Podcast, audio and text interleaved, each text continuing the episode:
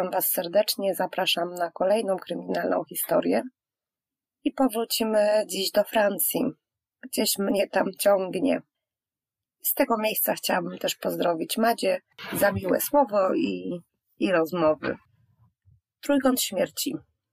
W Marmelon mieści się jednostka wojskowa. W jej okolicy dochodzi do zaginięć młodych mężczyzn. Zwykle są to osoby odbywające zasadniczą służbę wojskową. 8 sierpnia 1987 roku mężczyzna spacerujący z psem w pobliżu miejscowości Alenku trafia na płytki grób. Denat to młody mężczyzna, ma około 20 lat. Ciało jest w dobrym stanie. Lekarze szacują, że młodzieniec został zamordowany około pięciu dni przed odnalezieniem jego zwłok. Mężczyzna nie ma żadnych śladów obronnych, ani urazów wewnętrznych, czy też obrażeń wskazujących na jakieś maltretowanie czy dłuższotrwałą przemoc. Na obu rękach ofiary udaje się jedynie znaleźć niewielkie sińce, a właściwie na ramionach, które wskazują na to, iż był związany. No i na szyi jest widoczna blizna, bruzda po duszeniu. Denat nie ma przy sobie żadnych dokumentów. Jedyne, co udaje się przy nim znaleźć, to wizytówka zagranicznej firmy. Sprawa zosta zostaje przydzielona Jacquesowi Buxen i policjant dzwoni pod numer z wizytówki. Telefon odbiera młoda kobieta, która po krótkiej rozmowie stwierdza, że ofiarą jest jej brat, który przebywał na terenie Francji u znajomego. Jednak postanowił udać się autostopem do Calais i stamtąd miał się skierować w stronę domu. Rodzina zjawia się nazajutrz we Francji, by zidentyfikować ciało. Ofiarą okazuje się być dziewiętnastoletni Irlandczyk, Trevor O'Keefe. Jacques Buxen dochodzi do wniosku, że potrzebuje wsparcia. Zgłasza się do kapitana Żelawają, który ma za zadanie wspierać, usprawniać i uczyć nowych technik policję na prowincji. Po konsultacjach Okazuje się, że Wajon miał łudząco podobny przypadek. Jakieś 130 kilometrów od miejsca, gdzie znaleziono ciało Okifa, odnaleziono zwłoki Oliwiera Donera. Tyle, że 5 lat wcześniej. Ze szczątków Donera pozostało niewiele. Patolodzy jednak uważali, że zmarł z powodu uduszenia. Śledczym udaje się ustalić, że na tym obszarze doszło do jeszcze kilku zaginięć. Zwykle było to w piątek po południu. Wajon stara się o wznowienie śledztw odnośnie zaginięć z okolic Marmelą. Cała szóstka zaginionych służyła w wojsku, oprócz Donera. Nie odnaleziono żadnego z nich, ani żywego, ani martwego. Stanowisko ich przełożonych było jasne. Doszło do dezercji. Rodziny jednak były odmiennego zdania i niektóre z uporem walczyły o prawdę. Do pierwszego zaginięcia, które wiąże się z trójkątem śmierci, dochodzi 4 stycznia 1980 roku. Patrick Dubois, dwudziestolatek, przydzielony do czwartego pułku smoków w Marmelą, znika. Spędził w wojsku zaledwie miesiąc. Zostaje oskarżony o dezercję. Zaginął w piątek, podróżował autostopem. Rodzina jest pewna, że młody mężczyzna nie uciekł, był silnie związany z rodzicami, nie miał wielu przyjaciół, a właściwie był blisko związany jeszcze tylko z kuzynem, przyjaźnili się. Cichy, skromny, spokojny. Nigdy go nie odnaleziono. Do kolejnego zaginięcia, które wiąże się również e, z tą sprawą, dochodzi 20 lutego 1981 roku. 21-letni Serge Hawe zaginął w piątek. Miał udać się do domu autostopem, drogą krajową nr 77. W domu czekała na niego narzeczona w ciąży. Mężczyzna spędził w wojsku 8 miesięcy. Był zadowolony ze służby. Służył w trzecim pułku artylerii Malilekę. Uznany za dezertera, nieodnaleziony. Kolejnym, który zaginął jest Manuel Carval, dziewiętnastolatek, pochodzenia portugalskiego. Zniknął 7 sierpnia 1981 roku. W piątek podróżował autostopem. Służył w Marmelą w czwartym pułku smoków. Spędził w wojsku dwa miesiące. Uznany za dezertera, nigdy nie odnaleziony. Dwudziestoletni Pascal Sergent zaginął 20 sierpnia 1981 roku. W piątek podróżował autostopem. Przydzielony do pułku czołgów bojowych w Marmelon. Służył dwa miesiące. Planował zostać w wojsku. Nigdy go nie odnaleziono. Olivier Donnell, nieśmiały, pozbawiony przyjaciół, pochodzący z biednej rodziny, zniknął 1 października 1982 roku, w piątek. Do domu siostry miał się udać autostopem drogą krajową nr 77. 31 października tego samego roku jego zwłoki zostały odnalezione w rowie. Służył w czwartym pułku smoków w Marmelon. To jego sprawę łączono właśnie z Okifem. Dwudziestoletni Patrice Denis został podwieziony 23 sierpnia w piątek 1985 roku przez kolegę w pobliżu Chalon-Champagne do drogi krajowej numer 44. Miał złapać tam stopa i dostać się do bazy wojskowej w Marmelą na pokaz. Był widziany ostatni raz 20 kilometrów od miejsca docelowego. Rodzina nie poddaje się, pisze liczne pisma, między innymi do ministra spraw wewnętrznych, ministra obrony. Wywiera nacisk na organy ścigania. W tym przypadku jest jasne, że nie doszło do dezercji. Patrice nie służył wojsku. Jego ciała również nigdy nie odnaleziono.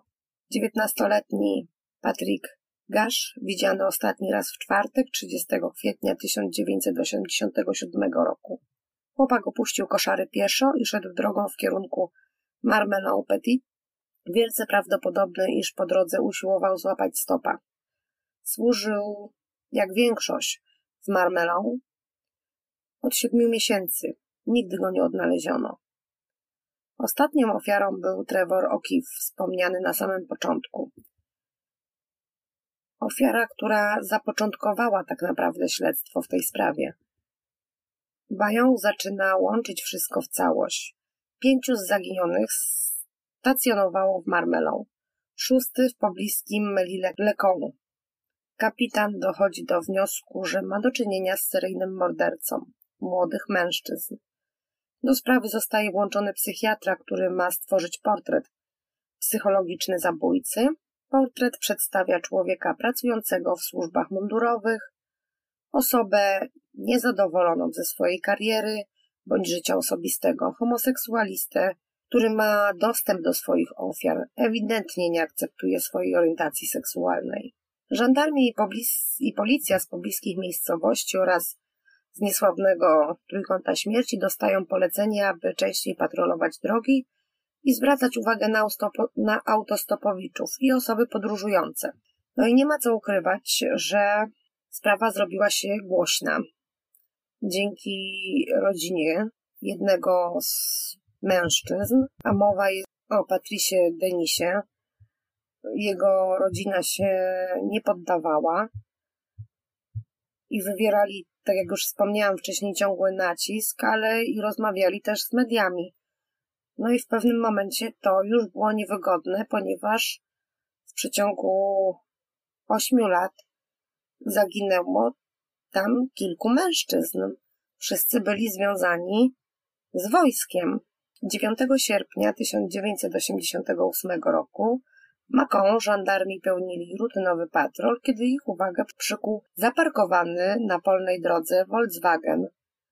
Van, ten taki ogórek, postanowili podejść i sprawdzić.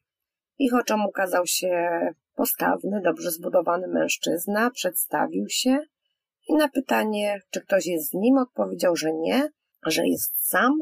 Jednak jeden z żandarmów zagląda do środka samochodu przez szybę i zauważa na podłodze materac nakryty kocem, a pod nim ewidentnie maluje się sylwetka człowieka. Po otwarciu drzwi okazuje się, iż mężczyzna, który leży na materacu w aucie, jest skrępowany, zakneblowany i nagi. Kierowca tłumaczy, iż przyjechali tu, by oddać się miłosnym uniesieniom, jednak chłopak, którego żandarmi znaleźli na tyłach samochodu, jest ewidentnie wystraszony i chaotycznie tłumaczy, że ten drugi chciał go zabić. Informuje również, że pochodzi z Węgier i nazywa się Palasz Falwaj. Kierowca miał go tylko podwieźć. No chłopak łapał stopa, a skończyło się na ataku i uprowadzeniu. Żandarmi przeszukują pobieżnie samochód i udaje im się natrafić na dokumenty, z których wynika, iż Pierre Chanal był w Marmelon w okresie, kiedy zaginęli młodzi mężczyźni. Obaj panowie zostają przewiezieni na posterunek, tam żandarmi dzwonią do kapitana Vaillon, aby opowiedzieć mu o zatrzymaniu. Ewidentnie jeden z zatrzymanych pasuje do portretu psychologicznego. 41-letni Pierre Chanal, weteran armii francuskiej, wojskowy komandos. Walczył w Libanie, został odznaczony czterokrotnie za odwagę oraz wzorową służbę. Jego kariera zmierzała w dobrym kierunku, piął się sukcesywnie po jej szczeblach. I teraz zatrzymam się na chwilę, ponieważ źródła różnie podawały. Nie wiem dlaczego, no ale podawało mi, że był albo chorążym, albo podchorążym, albo podoficerem. E, czy to miało związek z tym, że u nas to inaczej przebiega i jak sobie wrzuciłam, żeby mi przetłumaczyło wszystko, czy na angielski, czy na polski, to właśnie te, te tłumaczenia były różne. Był lubiany wśród e, współpracowników, chociaż z nikim nie był zżyty na tyle, by się przyjaźnić. Mówili o nim, że jest wojownikiem. Nie ulega emocjom. Podczas kłótni nie wykazuje żadnej agresji. Raczej ma w zwyczaju bez słowa się oddalić. Nie jest też żonaty, całe jego życie to służba, fitness oraz skoki ze spadochronem. Mężczyzna codziennie biega 15 kilometrów. Lubi także walkę wręcz. Przełożeni mają o nim bardzo dobre zdanie. Od 1977 do 1986 roku pracował w Marmelę w czwartym pułku smoków. Był tam instruktorem. Pier zaciągnął się do wojska w wieku 18 lat. Uciekając przed biedą, wychowywał się wśród szesnaściorga rodzeństwa z ojcem agresorem i alkoholikiem. Od dziecka był zdyscyplinowany, zawsze gotowy na czas, w szkole radził sobie dobrze. Naukę porzucił, gdy skończył 14 lat i postanowił pójść do pracy. Albo musiał. Podczas przesłuchania śledczy poznają wszystkie twarze Piera. Przyjaznego, uśmiechniętego rozmówcę, zamkniętego i niezłomnego człowieka, ale też furiata, którego trzeba obezwładnić, by nie zrobił sobie krzywdy, rzucając się na meble i uderzając głową w stół. Co tak drażni Piera? Tematy dotyczące jego orientacji i łączenie go z serią zaginięć oraz morderstw. W efekcie żadne z przesłuchań nie przynosi żadnego rezultatu. Pier nie przyznaje się do winy. Mężczyzna twierdzi, że nie ma związku ze sprawą dotyczącą trójkąta śmierci, natomiast co do sprawy Falwaja twierdzi, iż chłopak się zgodził na seks, a gdy zjawili się żandarmi, zaczął histeryzować. Po przeszukaniu jego samochodu oraz mieszkania nie ma już wątpliwości, że Pierre pozbawił Falwaja wolności.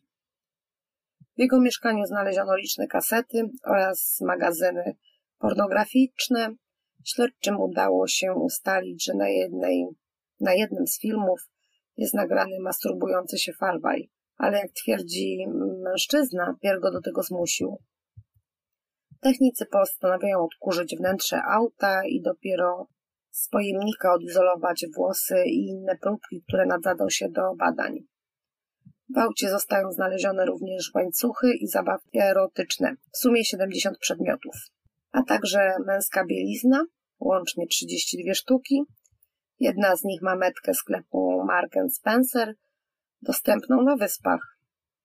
Dzięki tym slipom śledczy umacniają się w przekonaniu, iż Pier stoi także za morderstwem Okifa. 11 sierpnia 1988 roku Pier zostaje postawiony w stan oskarżenia i osadzony w więzieniu. Sąd skazuje go na 10 lat za uprowadzenie oraz gwałt na Falwaju. Pierw spędza w więzieniu czas ćwicząc lub leżąc na pryczy i patrząc się w ściany. Nie sprawia żadnych problemów. Mówiono, że zachowywał się jak jeniec wojenny. Po pięciu latach zostaje zwolniony za dobre sprawowanie.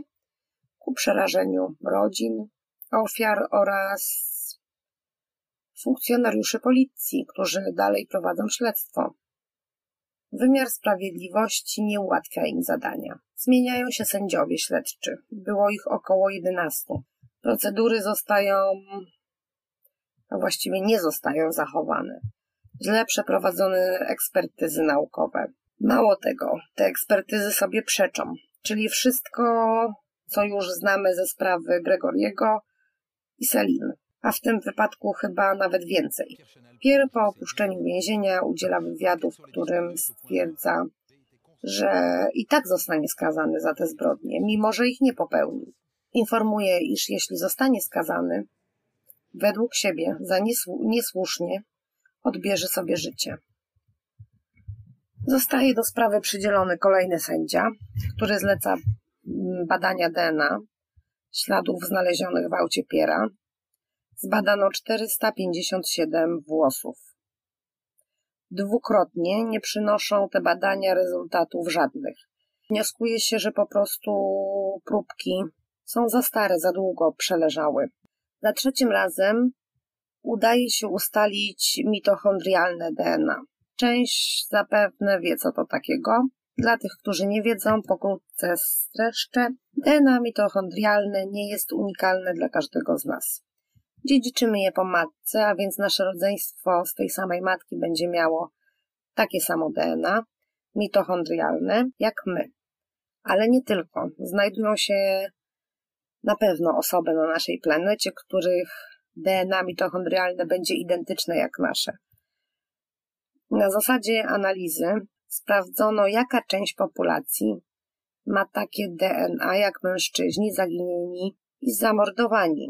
Wprowadzono je do bazy danych, która zawierała chyba 1657 osób. Osoby były losowe. I na tej podstawie szacowano, jakie jest prawdopodobieństwo, że znalezione włosy należą do danej osoby. I wyniki wychodziły już tak, wam mówię. Patrick Gash, jego DNA jest wspólne dla 0,06% populacji światowej. W bazie danych jedna osoba była zgodna z nim na 1657 osób. Patrice Denis, tak samo jak kolega wyżej, DNA Trevora O'Keefe'a i Pascala Sergent jest identyczne i wspólne dla 2,6% populacji światowej. W bazie danych to były 43 osoby. I co? Reszty chyba nie wiem, czy nie udało się tego ustalić. Y, nie znalazłam żadnych informacji o, o innych zaginionych. Aby zawęzić ten kręg jeszcze bardziej, sprawdzono DNA osób, które jeździły, a raczej znajdowały się na materacu w aucie. I jak będę mówić DNA, to będę mówić cały czas o tym DNA mitochondrialnym. Po wielu testach, badaniach sędzia dopuszcza dowody, to znaczy DNA Patryka Gasza, zaginionego, Patrisa Denisa, również zaginionego, oraz Trevora Okifa. Okazuje się, że dowód numer 19 zaginął. Z tym, że były problemy odnośnie wyników tego dowodu 19. Nie będę tego rozwijać, bo, bo tam dochodziło do dziwnych, właśnie eksperci sobie e, zaprzeczali. Jeden z ekspertów w ogóle został y, oskarżony, że nie ma prawa wykonywania takich badań, także już w to nie będziemy szli. Były to próbki ziemi, która została zabezpieczona na saperce szpadlu, który znajdował się w aucie Piera. Miał to być dowód łączący właśnie Piera z Okifem. Porównano próbki ziemi z saperki i miejsca, w którym znaleziono ciało Okifa. Ziemia miała taką, taki sam skład, próbki były identyczne. Lecz dowodu nie ma, zaginął, przepadł. Okazuje się jednak, że technik, który badał dowody, stwierdził, że ten dowód dziewiętnasty jest tak istotny, iż postanowił sobie zatrzymać część tej ziemi z tego szpadla. Dzięki temu możliwe jest oskarżenie Piera o trzy morderstwa. Sędzia śledczy uważa, iż ma wystarczające dowody i tak też 14 października 2003 roku zaczyna się proces w sprawie morderstwa trzech młodych mężczyzn, Patricka Gasza, Patrisa Denisa oraz Trevora Okifa. Oskarżony jednak nie zjawia się w sądzie. Po próbie samobójczej przebywał w szpitalu, gdzie od trzech miesięcy odmawiał przyjmowania pokarmów. Nie przeszkadza to sędziemu rozpocząć procesu i przesłuchać pierwszych świadków. Zostaje przesłuchany wojskowy, który jak uważa, w sensie mężczyzna uważa, że jest przyjacielem Piera. Nie ma wiele do powiedzenia, nie wie nic o prywatnym życiu oskarżonego, bo właściwie takie nie istniało. Nie integrował się ze współpracownikami, nigdy nie zjawiał się na, żadne na żadnych spotkaniach, jeśli nie były one służbowe. Mężczyzna wspomina, że Chanel nie zjawił się nawet na własnym przyjęciu, które było zorganizowane po wręczeniu mu medalu. Pytany o rodzinę przez kolegę, Pierre miał uciąć rozmowę słowami, że miał tylko matkę, ale ona już nie żyje. Co ciekawe, w tamtym okresie matka Piera miała się jeszcze dobrze. Zeznawała również starsza siostra oskarżonego stanowczo i z determinacją broniła brata, lecz tak naprawdę nie mogła do tej sprawy wnieść nic poza zarysem osobowości. W okresie, kiedy popełniono morderstwa oraz kiedy ginęli ci młodzi mężczyźni, Pier nie kontaktował się z rodziną. Nie mieli ze sobą styczności przez blisko 11 lat.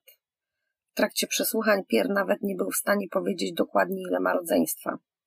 Czy jest ich szesnaścioro, czy osiemnaścioro, nie wiedział.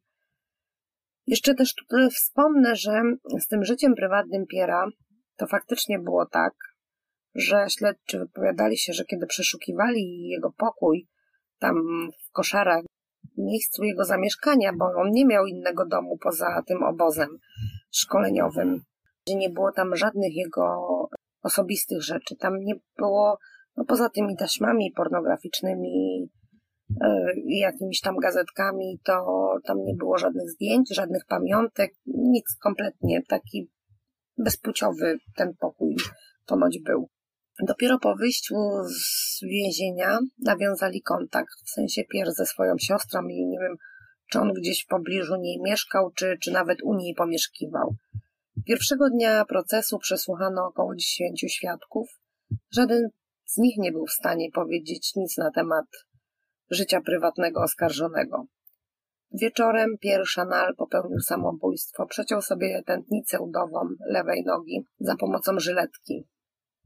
Skąd miał ostrze? Nie wiadomo. Był stale pilnowany przez żandarmów.